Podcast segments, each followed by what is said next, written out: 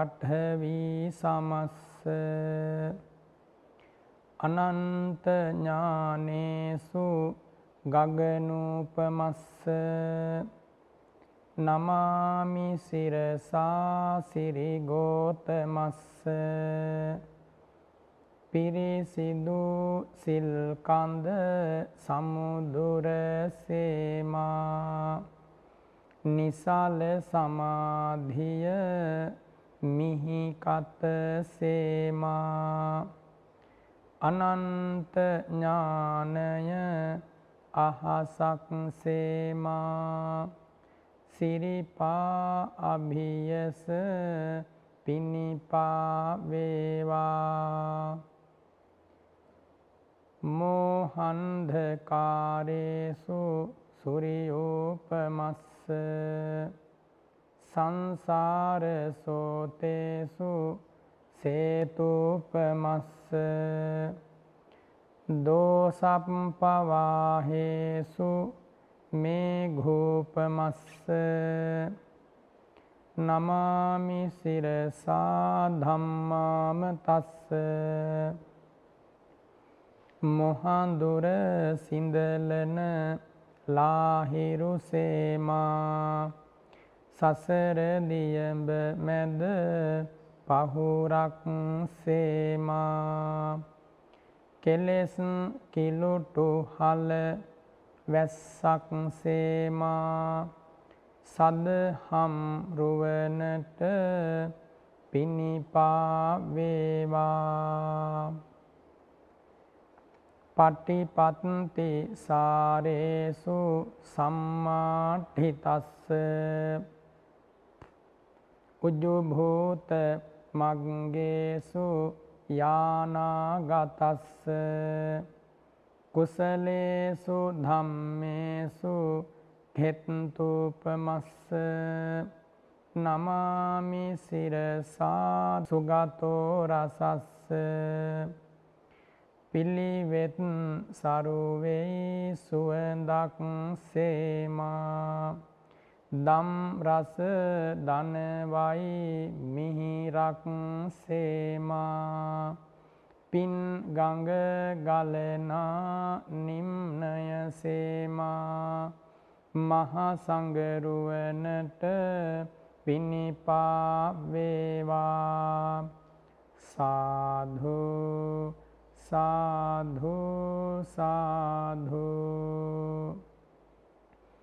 නමෝතස්ස භගවතෝ අරහතෝ සම්මා සම්බුද්ධස්ස නමෝතස්ස භගවතෝ අරහතෝ සම්මා සම්බුද්ධස්ස නමෝතස්ස භගවතෝ අරහතෝ සම්මා සම්බුද්ධස්ස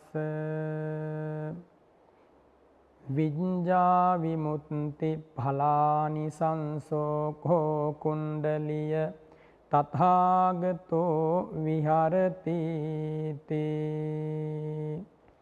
ශ්‍රද්ධාවන්ත පින්වතුනි ධර්මරාජ වූ බුදුරජාණන් වහන්සේ අප හැම දෙනාගේම අසම සම ශාස්තෘන් වහන්සේ වනසේක. ඒ බුදුරජාණන් වහන්සේගේ කරුණාබර දහම් පද අප හදවතේ සුවපත් භාවය ශාන්තිය ඇති කළ බව අප දන්නවා. ඒ බුදුරජාණන් වහන්සේ ගැන හිතනකොට අපේ හදවත් නිවෙන හැටි අපටම වැටහෙනවා. ඒ බුදුරජාණන් වහන්සේගේ ගුණ මෙනෙහි කරමින් වාසය කරද්දී අපේ හිතට පුදුමාකාර සුවයක් සතුටක් දැනෙන ලෙස ඔබම ඒ අත්දැකීම ලබල තියෙනවා. බුදුරජාණන් වහන්සේගේ ආශ්චර්යමත් ජීවිතය අන්න ඒ වගේ පිවිතුරු උදාර උතුම් ගුණධන නිධානයකින් යුක්ත වූ වගයි බුදුසිරි මුව මඩලින්ම දේශනා කරන්නේ. තථාගතෝ භික්කවේ අරහන් සම්මා සම්බුද්ධෝ මහණෙනි තථාගත වූ අරහත් වූ සම්මා සම්බුදුරජාණන් වහන්සේ වීතරාගෝ වීත දෝසෝ වීතමෝහෝ රාගය දුරු කළසේක ද්වේෂය දුරු කළසේක මෝහය ප්‍රහාණය කළසේක බුදුරජාණන් වහන්සේගේ හදමැදුර පූජනීය බවට පත් වනේ විරාගි බවට පත් වනේ නිවීගියේ පහන් වූයේ කුමක් නිසාද හැම කෙලෙස් මල දුරලූ නිසාමයි. රාග දවේශ මෝහ මදමාන පාප හිංසා මේ හැම දෙයක්ම අකුසල් දහම් දුරු කළ නිසාම තථාගතයන් වහන්සේ පරම පූජනීයයි. ඒ ශාන්ත වූ පරම පූජනීය වූ උදාර වූ ජීවිතය යම් කිසි කෙනෙකුට සිහි කරන්න ලැබෙනවා නම් අනුස්මරණය කරන්න ලැබෙනවා නම් ඒ සිහි කිරීම අනුස්මරණය මෙනෙහි කිරීම තුළ ඒ ශ්‍රාවකයාට පුදුමාකාර ශාන්තියක් විඳගන්නට ලැබෙනවා. භාග්‍යවතුන් වහන්සේ දවසක්දා දෙවරම් මහා වන අරණේ ධම් සභා මණ්ඩපයේ ෂඩ්වරණ බුද්ධ රශ්මිමාලා විහිදුවමින් දෙවි මිනිසුන්ගේ නෙතසිත බන්ධන මధుර මනෝහර වාග් විලාශ ඇතිව ආශ්චර්යමත් වූ රූපයක් ඇතිව වැඩ සිටමින් ධර්ම පරයායක් දේශනා කොට වදාලා. ඒ ධර්ම පරයායේදී සිරිමුව මඩලින් වදාළ මහනෙන බොහෝම ඈත කාලයක දෙවියන් සහ අසුරයන් අතර සටනක් ඇති වුණා. මේ දෙවියන් සහ අසුරයන් අතර ඇතිවෙච්ච සටනේදී ඒ සටනට සූදානම් වන සක්දෙව් රජු තම පිරිවර අමතා ප්‍රකාශ කරනවා නුබලාට මේ සටනේදී මේ යුද්ධයේදී යම් බයක් තැති ගැනීමක් කම්පනයක් පසුබැසීමක් ඇති වුණොත් ආන්නේ වෙලාවෙ නුබලා මගේ මේ රථයෙහි මුදුනේ බැඳලා තියෙන කොඩිය දිහා බලන්න කිව්වා. කොඩිය දිහා බලද්දී නුඹලාගේ බය නැති වෙනවා කියලා කිව්වා. නුඹලා යම් විදියකින් මගේ මේ රථයේ අග ගැටගසා ඇති කොඩිය දෙස බලන්නේ නැත්නම් මේ ප්‍රජාපති දෙවියාගේ රථාග්‍රයේ තියෙන කොඩිය දෙස බලන්න. යුද රථයේ තියෙන කොඩිය දෙස බලන්න. යම් විදියකින් නුඹලා ප්‍රජාපති දෙවියාගේ රථාග්‍රයේ තියෙන ධජාග්‍රය බලන්නේ නැත්නම් ඒ වෙලාවෙන් නුඹලා වරුණ දෙවියාගේ රථාග්‍රයේ ඇති ධජාග්‍රය දෙස බලන්න කිව්වා. නුබලා වරුණ දෙවියාගේ කොඩි අග බලන්නෙත් නැත්නම් ඊසාන දෙවියාගේ රථාග්‍රයේ ඇති දජාග්‍රය දෙස බලන්න. ආන් එතකොට නුබලාට ඔය හිතේ ඇතිවන බය පසු පසින ගතිය තා සන්ත්‍රාසය නැති වෙලා පහසුවෙන්නේ යුද්ධය ජයග්‍රහණය කරන්න පුළුවන් වෙයි කියලා සක්දෙව් රජු එදා තම පිරිසාමතා ප්‍රකාශ කළ බව බුදුරජාණන් වහන්සේ වදාලා. එතනදී තථාගතයන් වහන්සේ වදාරනවා තංකෝපන භික්කවේ සක්කස්සවා දේවා නමින් දස්ස ධජග්ගං උල්ලෝකයතං මහණෙනි ඒ සක් දෙවිඳු ප්‍රකාශ කළ අයුරින් ඔහුගේ රථයේ දජාග්‍රය දෙස බැලුවට ප්‍රජාපති දෙවියාගේ වරුණ දෙවියාගේ ඊසාන දෙවියාගේ දජාග්‍රය දෙස බැලුවට යම් භයංවා චම්භි තත්තංවා ලෝමහංසෝ වාසෝ පහියේ තාපි නෝපි පහියේත. ඒ බය ඒ තැති ගැනීම ප්‍රහාණය වෙනවද? නෑ නෑ මහණෙන ඒ බය ඔවුනට ඇතිවන තැති ගැනීම දුරුවෙන්නේ නෑ ප්‍රහාණය වෙන්නේ නෑ. ඒ කොඩි අග දිහා බැලුවයි කියලා ඔවුන්ගේ හිතේ ඇති වෙලා තියෙනවන යම් භයක් ඒ බිය ප්‍රහාණය වන්නේ නෑ. තංකිස්ස හේතු ඇයි ප්‍රහාණය නොවන්නට හේතුව.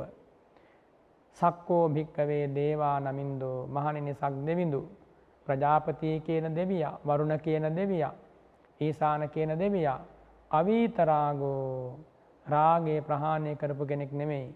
අවීත දෝසෝ දවේශය ප්‍රහාණය කරපු කෙනෙක් නෙමෙයි.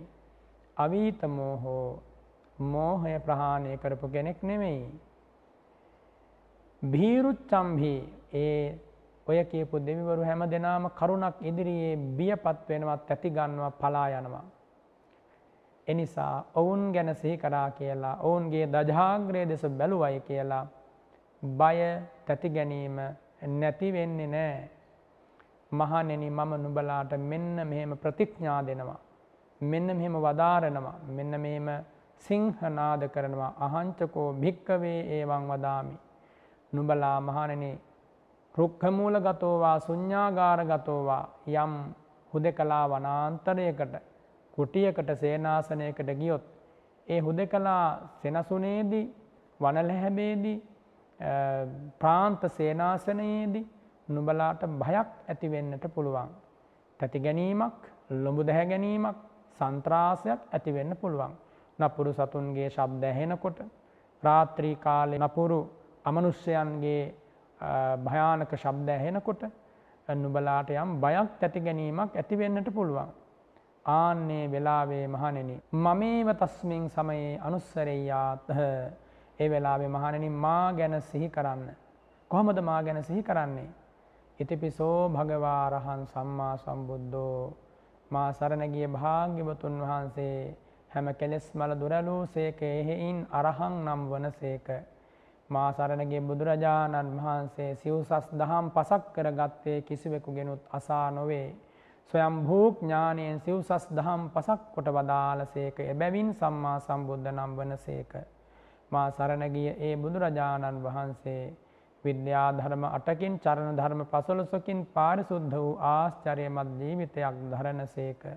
විද්‍යාචරණ සම්පන්න වන සේක. මා සරණගිය බුදුරජාණන් වහන්සේ සුන්දර සුගත ගමනින් ශාන්ත අමා නිවන් සුවය වෙත වැඩම කළ සේක සුගත නම් වන සේක. මා සරණගිය බුදුරජාණන් වහන්සේ සත්ව ලෝක සංස්කාර ලෝක අවකාශ ලෝක කරතලා මලක් සදිසිව අවබෝධ කළ සේක විශිෂ්ඨක් ඥානයෙන් ප්‍රත්‍යක්ෂ කලා එබැවින් ලෝක විදූ වන සේක. මා සරණගේ බුදුරජාණන් වහන්සේගේ පාමුල දෙවියන්ද බ්‍රහ්මයන්ද රාජරාජ මහාමාත්‍යවරු ප්‍රමුඛ මිනිස් ප්‍රජාවද? යක්ෂරාක්ෂස අමනුස්ස ප්‍රජාවද? නාගගාන් ධර්ව ප්‍රජාවද? අසුර ප්‍රජාවද? මේ සමස්ත සත්ව ප්‍රජාවම දමනය වූ සේක අනුත්තරෝ පුරිස ධම්ම සාර්ථය ගුණ බල ධරණ සේක. මා සරණගිය ශාස්තෘන් වහන්සේ දෙවියන්ගේද ආචාර්යවරයා ගුරුවරයා වන්නේය බ්‍රහ්මයන්ගේද ගුරුවරයා වන්නේය සමස්ත සත්වයාගේම ආචාර්යවරයා වන්නේය ශාස්තෘූන් වහන්සේ වන්නේය සත්හා දේව මනුස්සානං. මා සරණගේ බුදුරජාණන් වහන්සේ අවබෝධ කරන ලද ශාන්ත අමා ධර්මය දෙවියන් සෑත ලෝකයට සිරි මුව මඩලින් මිහිරිස්වරයෙන් දේශනා කොට වදාළ සේක බුද්ධ නම් වනසේක මා සරණගේ බුදුරජාණන් වහන්සේ හැම කෙලෙස් මල දුරැලූ ආශ්චරයමත් සම්බුදු පදවිය ලබමින් ලොව ඇති උත්තම සැනසීමට පැමිණ වැඩවදාලසේක. ඒ ජීවිතයේදීද ජාති ජාතිත් මහා සම්පත් ලැබූ සේක කිසිවක් අඩුවනේ නෑ. එනිසා ඒ ආශ්චරයමත් ඔතුමන් වහන්සේ භගවානම් වන සේක කියල මහනෙන නුබලා සිහිපත් කරන්න. සිහිකරන සිහිකරන වාරයට සිතත් නිවී ගතත් නෙවී බය සන්ත්‍රාස තැති ගැනීම් ප්‍රහාණය වී ලොඹු දැහැ ගැනීම් දුරුවී නිර්භයෙන් යුක්තව නිර්භය භාවයෙන් යුතුව නුබලාට භාවනා කරන්න සමාධිය වඩන්න ප්‍රඥාව වඩන්න විහරණය කරන්න ලැබෙනවා කියලා තතාගතයන් වහන්සේ සිරිමුව මඩලින් වදාලා. පින්වතුනි සිහිපත් කරන්න ඒ බුදුරජාණන් වහන්සේගේ ඒ අනුශාසනාව ඒ භාග්‍යවතුන් වහන්සේගේ ඒ අභීත ප්‍රකාශය නුබලා ජීවිතයේ ඕනෑම මොහොතක අවිනිශ්චිත මොහොතක බියක් ඇති ගැනීමක් සංවේගයක් ඇති වුණ වහාම සෝ භගවා ඉතිපි අරහන් සම්මා සම්බුද්ධෝ විද්‍යාචරණ සම්පන්නෝ සුගතෝ ලෝක විදු අනුත්තරෝ පුරිස ධම්ම සාරතෙහි සත්හා දේව මනුස්සානං බුද්ධෝ භගවා කියලා. ඒ බුදු ගුණ සිහි කරන්න. ඒ බය ඇති ගැනීම වහාම නැති වෙනවා. ජීවිතයට ශාන්තියක් ලැබෙනවා. අමුතු මිහිරක් හදවතට දැනෙනවා. නිර්භය භාවය ඇතිවෙනවා ප්‍රීතිය ප්‍රමෝදය ඇතිවෙනවා සුවසේ ජීවත්වීම වාසනාව හිමි වෙනවා. ඉතින් ඒ ශාන්තිය බුදුරජාණන් වහන්සේ අපට ලබා දුන්නේ පුදුමාකාර උතුරාගිය කරුණාවකින් යුක්තව. ඒ භාග්‍යවතුන් වහන්සගේ මුළු ජීවිතයම එබඳු පිරුණ ඉතුරුණ කරුණාවකින් යුක්තයි. මහා කරුණාවේ උල්පත තථාගත සම්බුදු හදමඩල. මහා මුදිතාවේ උල්පත සම්බුදු හදමඩල. මහා මෛත්‍රියේ උල්පත සම්බුදු හදමඩල. කිසිවෙකුටත් වෙනසක් නොවී කරුණා මුදිතා මෙත් සිසිල් ධාරාව දායාද කළේ ඉසින ලද්දේ භාග්‍යවත් බුදුරජාණන් වහන්සේ. ඒ පිරිසිදු ජීවිතයේ අනුහස ආශ්චර්යය අපමණයි අනන්තයි. ඒ අනන්ත අපමණ ආශ්චර්යයෙන් යුතු ඒ පිරිසිදු ජීවිතය ඒ ජීවිතය දැරූ ශාන්තිනායක උතුමන් වහන්සේගේ සිරිපා කමල් ලබියස හැම දෙනාගේ උත්තමාංග නමස්කාරය වේවා. බුදු සිරිපා පහසින් සැනහෙන අපේ ජීවිත සුවපත් වේවා අපි හැම දෙනාටම මේ සසර දුකින් අතමිදෙන මාවත පෑදේවා ඒ බුදුරජාණන් වහන්සේ වදාළ මාවතේ ගමන් කරන්න වාසනාව හිමිවේවා දෙවියන් සහිත ලෝකයේ අසහාය පිළිසරණ තථාගත බුදුරජාණන් වහන්සේ නිවන් සුවයෙන් සැනහී භවදුකින් අත මිදෙන මොහොත දක්වා අපට සරණ වනසේක්වා පිහිට වනසේක්වා පිළිසරණ වනසේක්වා අන්න එහෙමයි අපි අපේ හිත්වල නිරන්තරයෙන් බුද්ධා ලම්බන ප්‍රීතිය උපදවා ගන්නට ඕන. දවසක්දා ඒ භාග්‍යවත් බුදුරජාණන් වහන්සේ සාකේත දනව්වේ අංජන වන මිගදායේ වැඩ සිටිනවා. ආන්නේ කාලේ එක්තරා පරිබ්‍රාජකයෙක් හිටියා ඒ පරිබ්‍රාජකයා කියන්නේ බාහිර පැවිදි වෙච්ච කෙනෙක්. ඒ පරිබ්‍රාජකයාගේ නම තමයි කුණ්ඩලිය. මෙන මේ කුණ්ඩලිය කියන පරිබ්‍රාජකයා භාග්‍යවත් බුදුරජාණන් වහන්සේ වෙත නැත්තං අංජන වන මිගදායේ වැඩහිටපු බුදුරජාණන් වහන්සේ වෙත පැමිණුණා. මේ පරිබ්‍රාජකයා පැමිණිලා භාග්‍යවතුන් වහන්සේ සමග සතුටු විය යුතු කතා සිද්ධ කරලා ගමන් තොරතුරු කතා කරලා ඉන් අනතුරුව එකත් පසෙක වාඩි වුණා. එකත් පසෙක වාඩි වෙලා සිටින මේ කුණ්ඩලිය පරිබ්‍රාජකයා රන්ට්‍රැස් විහිදෙන බුදු සිරිපා අභියසදි අභිනීල නෙතු සංගලේ කාන්ති ධාරාව මැදට වෙලා ප්‍රශ්නයක් විමසනවා. කුමක් මේ විමසන ප්‍රශ්නය. අහමස්මින් භෝගෝතම ආරාම නිසාදී පරිසාභ චරෝ ස්වාමීනි භාග්‍යවතුන් වහන්ස මම ආරාමයෙන් ආරාමයට ගමන් කරන කෙනෙක්. ඔය තාපසයෝ ශ්‍රමණයෝ පරිබ්‍රාජකයෝ ජටිලයෝ ඉන්නවා කියලා ආරංචි වුණහම මම ඒ වගේ තැන්වලට ගමන් කරනවා.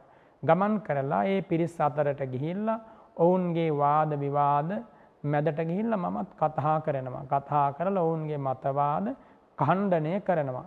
අන්නේ විදියට තමයි මම බොහෝ වෙලාවට හැසිරෙන්නේ. තස්ස මහියම් බොහෝ ගෝතම පච්හා භත්තං බුත්ත පාත රාසස්ස අයමාචාරෝ හෝති ස්වාමීනී උදේදානයේ උදේ ආහාරවේල වලඳලා හවස්කාලයේ මම කරන්නේ ඔන්න ඔය විදියට ආරාමයෙන් ආරාමයට ගමන් කරන එක. ඒක තමයි මගේ හැසිරීම ඒක තමයි මගේ පැවැත්ම ඒක තමයි මගේ ක්‍රමය කියලා බුදුරජාණන් වහන්සට ප්‍රකාශ කළා.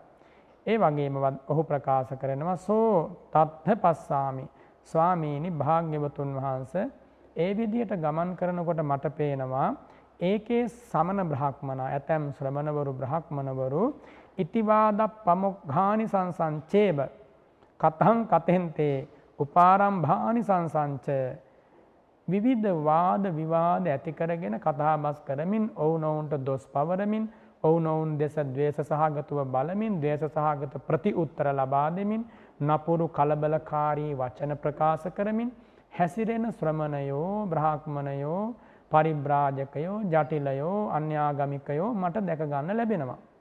ඒ අය ගැන මට නිතර නිතර අසන්නට වගේම දකින්නත් ලැබෙනවා.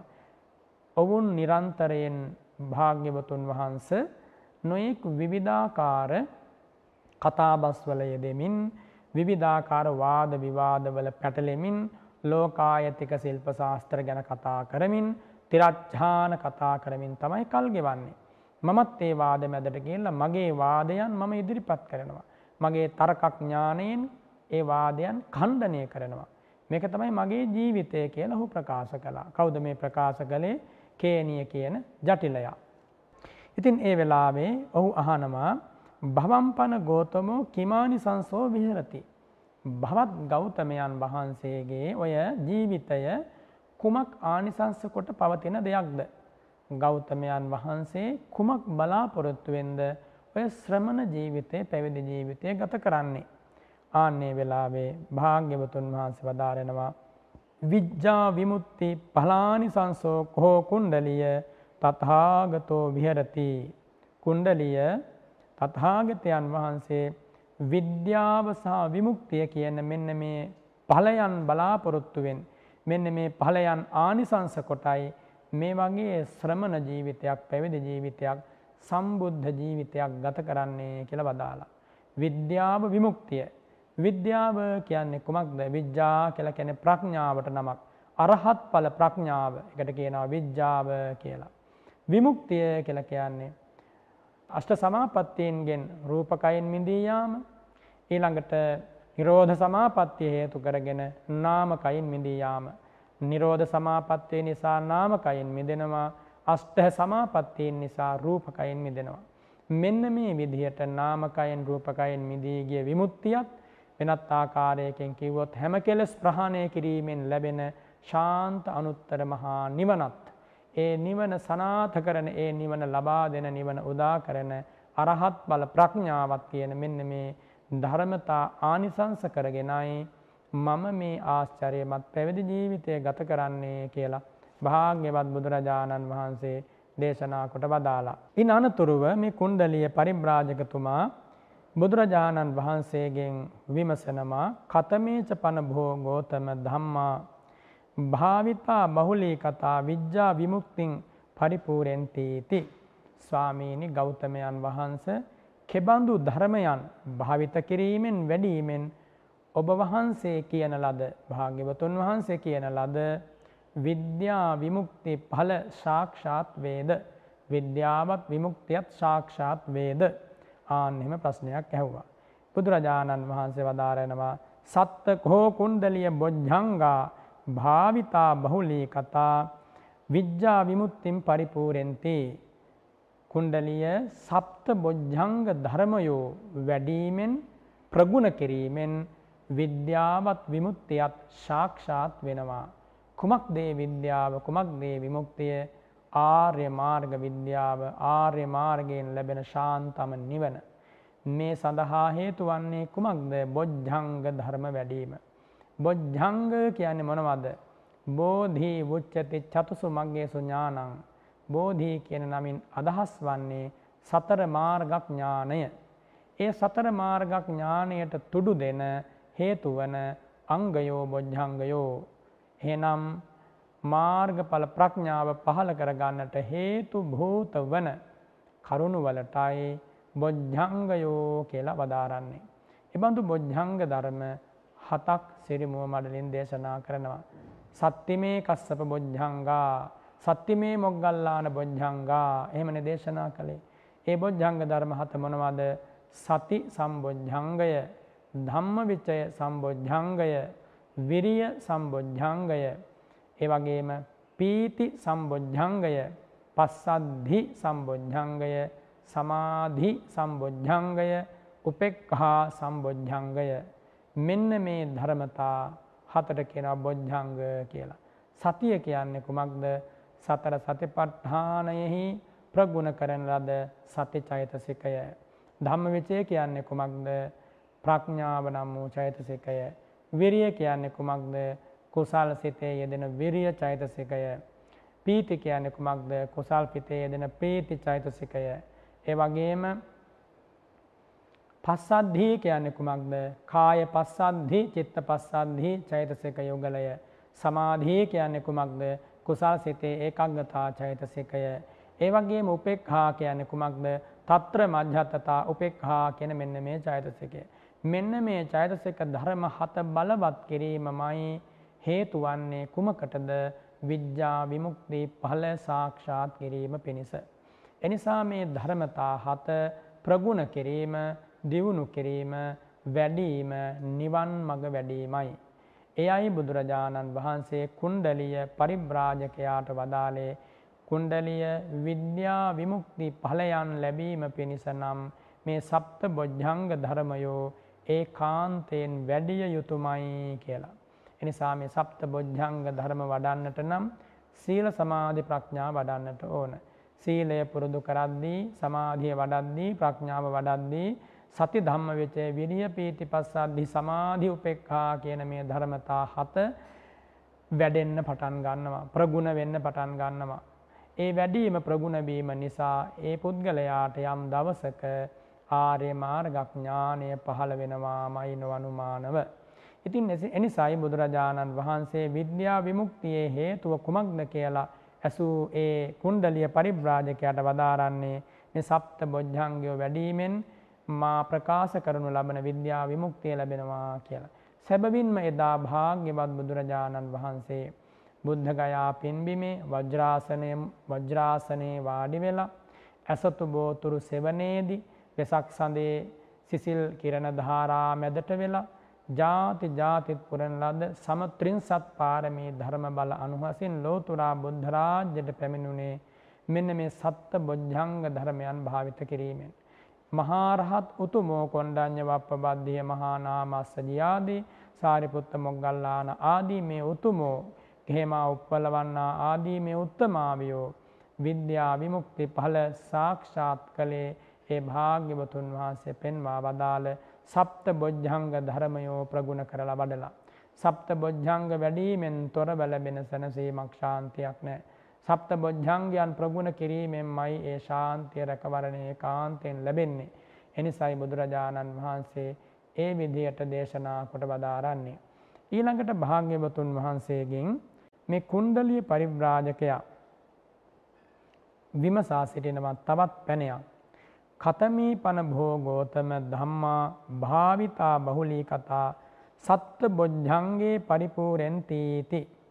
භවත් ගෞතමයන් වහන්ස කෙබඳු ධර්මයෝ වැඩීමෙන් ප්‍රගුණ කිරීමෙන් මෙන්න මේ සප්ත බොජ්ජංග ධර්මයෝ වැඩෙනවාද කියල ප්‍රශ්නයක් ඇහුවා. තබත් ආකාරයකින් කිව්වොත් සප්ත බොජ්ජංග ධර්මයන් වැඩෙන්න්නට හේතු වන්නේ කෙබඳු ධර්මතා ප්‍රගුණ කිරීමද කියලා ප්‍රශ්නයක් විමසා සිටිය. ආන්නේ වෙලාවේදී භාග්‍යවත් බුදුරජාණන් වහන්සේ වදාරෙනවා චත්තාරෝක හෝ කුණ්ඩලිය සතිපට්ඨානා භාවිතා බහුලී කතා සත්ත බොජ්ජන්ගේ පරිපූරෙන්තීති. කුණ්ඩලිය මේ සතර සතිපට්ඨාන ධර්මයන් වැඩීමෙන් බහුලීකෘත කිරීමෙන් සප්ත බොජ්ජංගයෝ පරිපූරණය වන්නාහ කියලා දේශනා කොට වදාලා.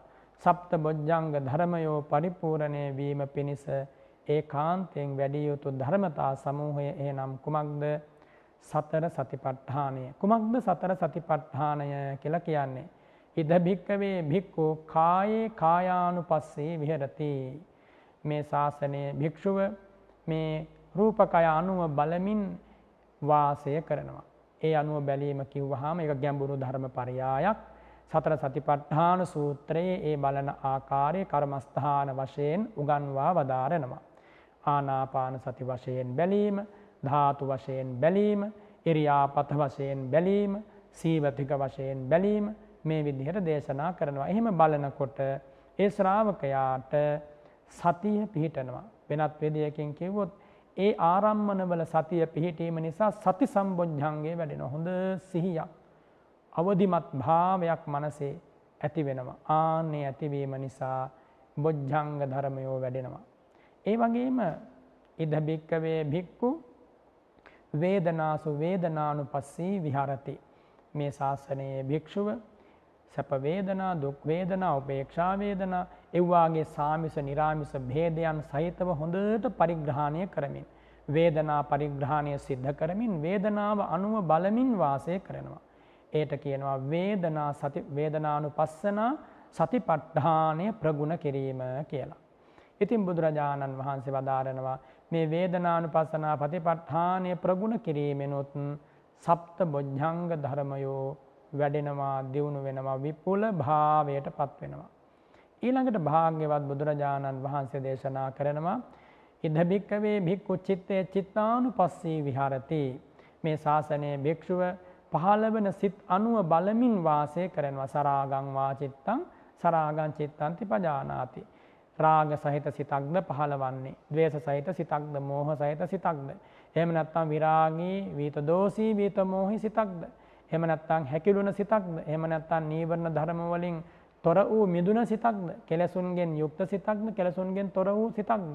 ආන් එහෙම තමාට පහළ වන චිත්ත පරම්පරාව ගැන හොඳ අවබෝධයකින් අවධිමත් භාවයකින් යුක්තව වාසය කරනවා. එයට කියනවා චිත්තානුපස්සනා සතිපට්ඨානය ප්‍රගුණ කිරීම කියලා. චිත්තානුපස්සනා සතිපට්ඨානය. ඒ විදිහට ප්‍රගුණ කරගෙන යද්දී භාග්‍යවත් බුදුරජාණන් වහන්සේ දේශනා කරනවා මේ සත්ත බොජ්ජංග ධර්මයෝ වැඩෙනවා කියලා. ඊළඟට බුදුරජාණන් වහන්සේ දේශනා කරනවා ඉද්ධ භික්කවේ භික්ඛු ධම්මේසු ධම්මානුපස්සේ විහෙරති. තවත් සිහිය පිහිටුවන ක්‍රමයක්. පංච නීවරණ ධර්මයන් අනුව චතුරාර්ය සත්‍ය ධර්මයන් අනුව ඒ වාගේම පංච උපාදානස්කන්ධ ධර්මයන් අනුව බොජ්ජංග ධර්මයන් අනුව කම්පා කරමින් බොජ්ජංග ධර්මය කල්පනා කරමින් මේ ධර්මතා අනුව කල්පනා කරමින් වාසය කරනවා. වාසය කරද්දී බුදුරජාණන් වහන්සේ දේශනා කරනවා සතිය හොඳට වැඩෙනවා කියලා. සතිය හොඳට ප්‍රගුණ වෙනවා කියලා. ඒ විදිහට සතිය වැඩෙනකොට සතිය ප්‍රගුණ වෙනකොට බොජ්ජංග ධර්මයෝ දියුණු වෙනවා. බොජ්ජංග ධර්මයෝ වැඩෙනවා. බොජ්ජංග ධර්මයෝ සම්පූර්ණ වෙනවා. එහෙම සම්පූර්ණ වීමෙන් මේ බුද්ධ ශාසනය තුළ විද්‍යා විමුක්ති ඵලයන් ඒ කාන්තයෙන් සාක්ෂාත් වෙනවා කියලා භාග්‍යතුන් වහන්සේ වදාරනවා. ඊළඟට නැවත වතාවක් ඒ කුණ්ඩලිය පරිබ්‍රාජකයා නැත්නම් ඒ කුණ්ඩලිය නම් වූ අන්‍යාගමික ශ්‍රාවකයා බුදුරජාණන් වහන්සේගෙන් ප්‍රශ්නයක් විමසනවා. කතමේච කතමේ භෝ ගෝතම ධම්මා භාවිතා බහුලී කතා චත්තාරෝ සතිපට්ඨානේ පරිපූර්ණන්තීති. භවත් ගෞතමයන් වහන්සේ කෙබඳු ධර්මයන් සම්පූර්ණ කිරීමෙන්ද ඔය සතර සතිපට්ඨාන ධර්මයෝ වැඩෙන්නේ. තවත් විදිහකින් කිව්වොත් සතර සතිපට්ඨාන ධර්මයන් ප්‍රගුණ වෙන්නට වැඩෙන්නට හේතු වන්නේ කෙබඳු ධර්මතාද කියලා ප්‍රශ්නයක් විමසනවා. ආන්නේ වෙලාවේ භාග්‍යවතුන් වහන්සේ වදාරෙනවා තීනිකෝ කුණ්ඩලිය සුචරිතානි භාවිතානි බහුලී කතානි චත්තාරෝ සතිපට්ඨානේ පරිපූරෙන්තීති. කුණ්ඩලිය තුන් සුචරිතයන් තෙවැදෑරුම් සුචරිතයන් වැඩීමෙන් සතිපට්ඨානය වැඩෙනවා. මොනවද තෙවැදෑරුම් සුචරිතයන්ය කියලා කියන්නේ. තෙවැදෑරුම් සුචරිතයන් කියන්නේ කාය සුචරිතය වචී සුචරිතය මනෝ සුචරිතය. කාය සුචරිතය කියන්නේ කුමක්ද මේ කයින් යහපත්දේ කිරීම. කයින් අයහපත්දේ නොකිරීම. කයින් අයහපත්දේ නොකිරීම කියන්නේ මොනවද. කයින් ප්‍රාණඝාතය කරන්නේ නෑ සොරකම් කරන්නේ නෑ වැරදි කාම සේවනය කරන්නේ නෑ. ආන්‍යයා කාය සුචරිතය හැසිරෙනවා. තවදුරටත් ඒ කයින් මෛත්‍රී සහගත කාය කරම සිද්ධ කරනකොට තවත් කාය සුචරිතය අර්ථවත් වෙනවා. කරුණා සහගත මුදිසා සහගත කාය කරම සිද්ධ කරනකොට අර්ථවත් වෙනවා ඒ කාය සුචරිතය. ඊළඟට වචී සුචරිතය කියන්නේ කුමක්ද? බොරුවෙන් වෙන්වීම, පරුස වචනයෙන් වෙන්වීම, කේලමින් වෙන්වීම, හිස් වචනයෙන් වෙන්වීම. ඒ වෙන්වීම තුළ වාක් සුචරිතය වැඩෙනවා. ඒ වගේම ඒ වාක් සුචරිතය වඩාත් අර්ථවත් වෙනවා. සත්‍යවාදී වචන කතා කරනවා. මිහිරි වචන කතා කරනවා. කාගෙවත් හිත්‍රි දෙන වචන කතා කරන්නේ නෑ. අර්ථ සහිත වචන කතා කරනවා. ආන්නේම කතා කරනකොට වාග් සුචරිතය වඩාත් අර්ථවත් වෙනවා. ඊළඟට මනෝ සුචරිතය. මනෝ සුචරිතය ඇතිවෙන්නට නම් අභිද්‍යාවෙන් ව්‍යාපාදයෙන් මිත්‍යා දෘෂ්ටියෙන් ඈත්වෙන්නට ඕන. අභිද්‍යාව කියන්නේ කුමක්ද දැඩි ලෝභය. අන් අය අන් අය සතු වස්තුූන් දෙස බලලා ඒවා තමාට ලැබේවා කියලා ලෝභ කරනවා. අන්න අයගේ සම්පත් තමන්ට ලැබේවා කියලා සිතින් පතනවා. අන්න දැඩි ලෝභය අභිද්‍යාව ඇති වෙනවා. ව්‍යාපාදය ව්‍යාපාදය කියන්නේ මනසේ ඇතිවන බද්ධ වෛරය ගැටෙන සුළු බව ව්‍යාපාදය කියලා කියන්නේ අයි. ඒ වගේම මිත්‍යා දෘෂ්ටිය විස්සම දෘෂ්ටීන් හිතට ගැනීම. කර්මය ඵලය පිළිගන්නේ නැහැ හේතුඵල ධාම පිළිගන්නේ නැහැ. ආන්න එකට කියනවා මිත්‍යා දෘෂ්ටිය. මෙන්න මේ තුන මනෝ දුස්චරිතය. මේ වගේ වෙන්වීම එහෙනම් මනෝ සුචරිතය. එතකොට මනෝ සුචරිතය අර්ථවත් වෙන්නට නම් ඒ දුස්චරිත තුනෙන් වෙන් වෙලා නිර්ලෝභී භාවය වඩන්නට ඕන. ලෝභයෙන් තොර වෙලා දන් දෙන්නට ඕන. ද්වේෂයෙන් තොර වෙලා මෙත් සිත වඩන්නට ඕන. මිත්‍යා දෘෂ්ටියෙන් තොර වෙලා සම්මාදිට්ඨිය වඩන්නට ඕන. එතකොට මනෝ සුචරිතය වඩාත් අර්ථවත් වෙනවා. මෙන්න මේ තෙවැදෑරුම් කාය සුචරිතය වචේ සුචරිතය මනෝ සුචරිතය යමෙක් ප්‍රගුණ කරනවා නම් ආන්න ඒ ශ්‍රාවකයා සතර සතිපට්ඨානය වඩන්නෙක් වේ කියන එකයි බුදුරජාණන් වහන්සේ වදාළේ. සතර සතිපට්ඨානය වැඩීම පිණිස තෙවැදෑරුම් සුචරිතය වුවමනා වේ. තෙවැදෑරුම් සුචරිතය තිබේ නම් ඔහු සතර සතිපට්ඨානය වඩන්නෙකි. සතර සතිපට්ඨානය යමෙක් වඩන්නේ නම් ඔහු ඒ කාන්තයෙන්ම සප්ත බොජ්ජංග ධර්මයෝ වඩන්නෙකි. සප්ත බොජ්ජංග ධර්මයෝ වඩන්නේ නම් ඔහු යම් දිනක මතු යම් මොහොතක විද්‍යා විමුක්ති ඵල සාක්ෂාත් කරන්නේය. මෙන්න මේ කාරණයයි එදා ඒ පරිබ්‍රාජකයාට වදාළේ. ඒ වෙලාවේ බුදුරජාණන් වහන්සේ මේ තීනි සුචරිතානි කියව් නැත්තං තුන් සුචරිතය කොහොමවද වඩන්නේ කියලා සිරිමුව මඩලින් කුණ්ඩලිය පරිබ්‍රාජකයාට වදාරෙනවා. කතම් භාවිතෝච කුණ්ඩලිය ඉන්ද්‍රිය සංවරෝ කතං බහුලී කතෝ තීනි සුචරිතානි පරිපූරෙන්ති. කුණ්ඩලිය කෙසේ ප්‍රගුණ කරන ලද කෙසේ වඩන ලද ඉන්ද්‍රිය සංවර සීලයෙන්ද මේ තුන් සුචරිතයන් සම්පූර්ණ වන්නේ? වෙනත් විදියකින් කිව්වොත් ඇස කණනාසය දිව කය මනස කියන මෙන්න මේ ඉන්ද්‍රිය ධර්ම කෙසේ සංවර වීමෙන්ද සිත කය වචනය කියන ద్వාරත්‍රය සංවර වන්නේ? නැත්නම් කාය සුචරිතය මනෝ සුචරිතය වාග් සුචරිතය කියන තෙවැදෑරුම් සුචරිත ධර්මයන් සම්පූර්ණ වීම පිණිස ඇස කන නාසය දිව කය මනස කියන මේ ඉන්ද්‍රිය ධර්ම කෙසේ ප්‍රගුණ කළ යුතුද කියලත් කුණ්ඩලිය පරිව්‍රාජකයට කියා දෙනවා. බලන්න මේ ධර්ම මාර්ගය මොන තරම් පැහැදිලිද මොන තරම් පිරිසිදුද මොන තරම් පිවිතුරුද මොන තරම් නිරවුල්ද බුදුරජාණන් වහන්සේගේ ඥාන දර්ශනයෙන් අවබෝධ කරන ලද දහම සක් සුදක්සේ පාරිශුද්ධයි. භාග්‍යවතුන් වහන්සේ වදාරනවා ඉද කුණ්ඩලිය භික්ඛු චක්ඛුනා රූපං දිස්වා මනාපං නාභිජ්ජති නාභි හංසති න රාගං ජනේති තස්ස ඨිතෝච කායෝ හෝති. ඨිතං චිත්තං අජ්ජත්තං සසන්ඨිතං සුවිමුත්තං වදාරනවා. කුණ්ඩලිය මේ ශාසනයේ භික්ෂුව ඇසෙන් රූප බලා ඒ රූප මනාප වශයෙන් හෝ ලෝභ වැඩෙන විදිහට හෝ ගන්නෙ නෑ. එහෙම නැත්නම් ද්වේෂය වැඩෙන විදිහට හෝ ගන්නෙ නෑ. ඒ රූප රාග දේශ මෝහ වැඩෙන විදිහට භාවිත කරන්නේ නෑ. ඒ රූප නිසා අභ්‍යන්තරය කැළඹෙන්නට ඉඩ තබන්නේ නෑ. රාගයෙන් ද්වේෂයෙන් මෝහයෙන්. න රාගං ජනේති.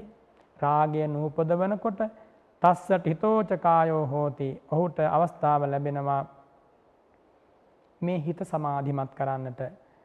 ටිතන් චිත්තං අධ්‍යත්තන් සුසන්තිතං ඒ සිත මනාව ආධ්‍යාත්මය තුළ තැන්පත් වෙනවා.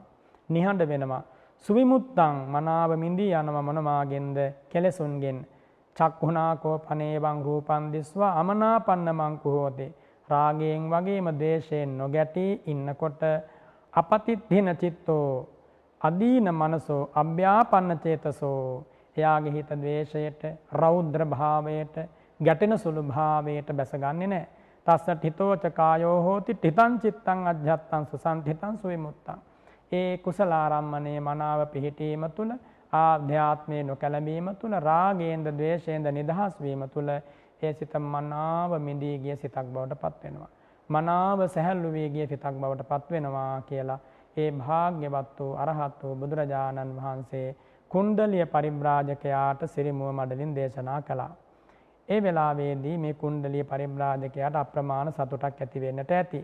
ඒ වගේම පුණජ පරං කුණ්ඩලිය භික්ඛු සෝතේන සද්දං සොත්වා කුණ්ඩලිය භික්ෂුව කනෙන් ශබ්ද අහලා ඒ වගේම නාසයෙන් ගඳ සුවඳ ආග්‍රහණය කළ දිවෙන් රස විඳලා කයෙන් ස්පර්ශ ලබලා මනසෙන් නොඑක් විදිහේ ධම්මාරම්මන ලැබමින් රාග ද්වේෂ මොහ ඇති කරගන්නේ නැතිව මනා පමනාප විදිහට හිත ඒ ඒ අරමුණේ පිහිටුවන්නේ නැතිව විරාගය මෛත්‍රිය ඇතිවන විදිහෙන් ඒ අරමුණු ඔස්සේ සිත පිහිටුවමින් ගමන් කරනවා ප්‍රගුණ කරනවා. ආන්නේම ප්‍රගුණ කරන ඉන්ද්‍රිය සංවරය නිසා ඒ භික්ෂුවට තීනි සුචරිතය හෙවත් කායවාග මනෝ සුචරිතයන් සම්පාදනය වෙනවා.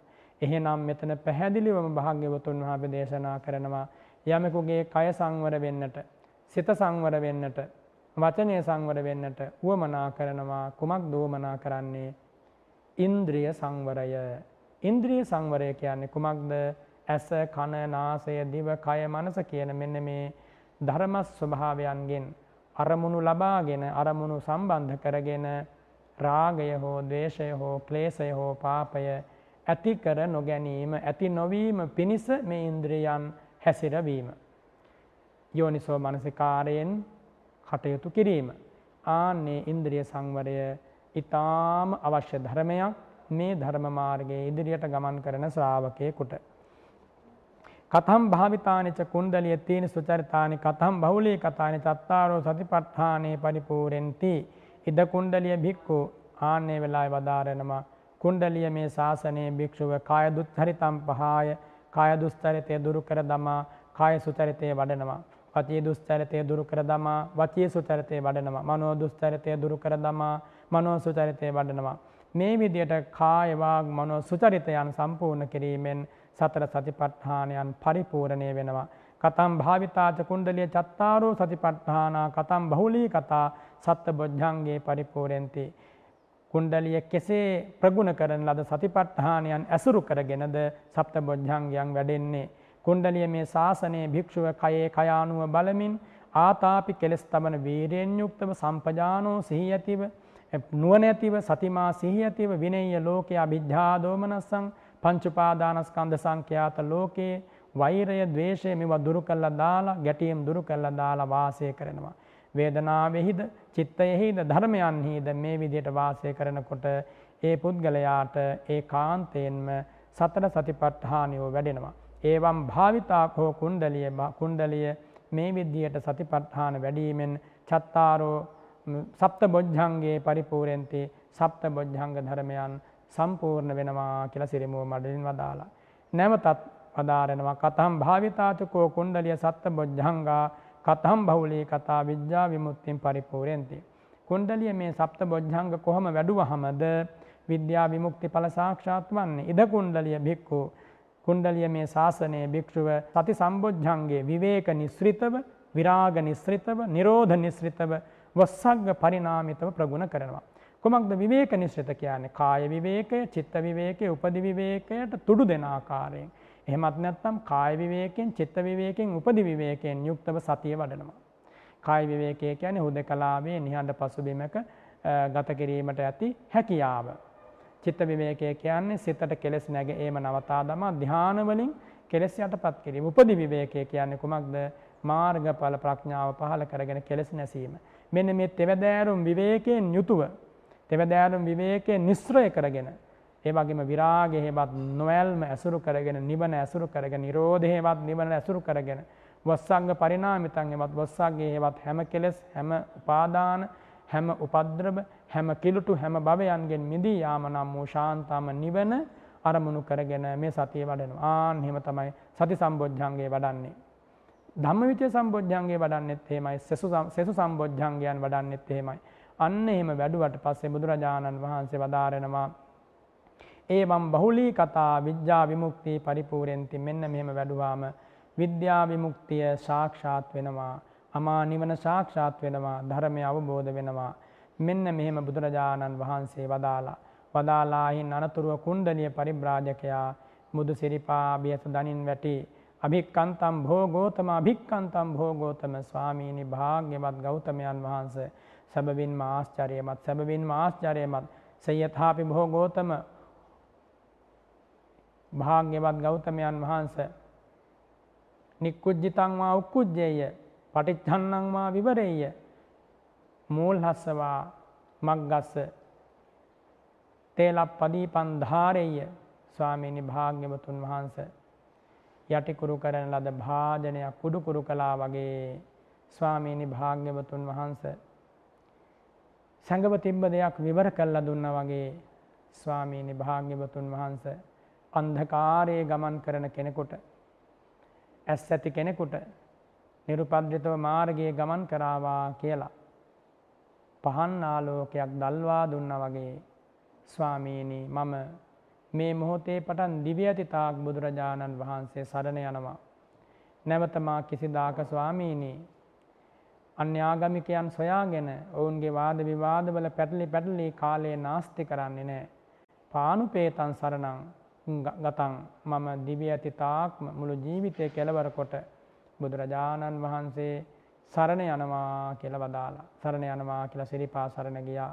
එදා පටන් උපාසකයෙක් බවට පත් වුණා මේ කුණ්ඩලිය පරිබ්‍රාජකයා බුදුරජාණන් වහන්සේගේ සිංහනාදයෙන් අකම්පිත ප්‍රකාශයෙන් අමා බණපදයෙන් නිවී ගිය ඔහු ශාන්තම නිවන වෙත ගමන් කරන මාවතට ප්‍රවේශ වුණා. මේ උතුම් ධර්ම පරියායයි අදමා ඔබ වෙනුවෙන් දේශනා කොට වදාලේ. මේ ධර්ම පරියායෙන් ඔබ තරයේම සිතට ගන්න. බුද්ධ ශාසනයට පැමිණීමේ අරමුණ විද්‍යා විමුක්ති ඵල සාක්ෂාත් කිරීමයි. විද්‍යාව කියන්නේ මාර්ග අරහත් ඵල ප්‍රඥාවට නමක්. විමුක්තිය කියන්නේ කුමකටද නාමකයෙන්ද රූපකයෙන්ද මිදී ගිය ඒ අමා නිවනට නමක්.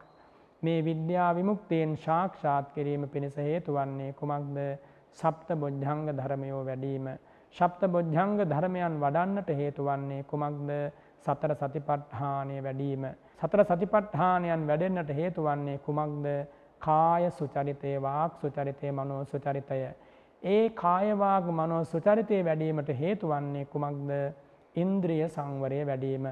එහෙනම් ඉන්ද්‍රිය සංවර වුණොත් තමයි සිව් පිරිසිදු සිල් සම්පූර්ණ වන්නේ. එහෙම වුණොත් තමයි කායවාග මනෝ සුචරිතය සම්පාදනය වන්නේ. එහෙම වුණොත් තමයි සතර සතිපට්ඨානය වැඩෙන්නේ. එහෙම වුණොත් තමයි බොජ්ජංග ධර්මයෝ ප්‍රගුණ වෙන්නේ. එහෙම වුණොත් තමයි විද්‍යා විමුක්ති ඵල සාක්ෂාත්ව චතුරාර්ය සත්‍ය අවබෝධයෙන් අමා ශාන්ත නිවනේ සැනහීම විඳ ගන්නට ලැබෙන්නේ.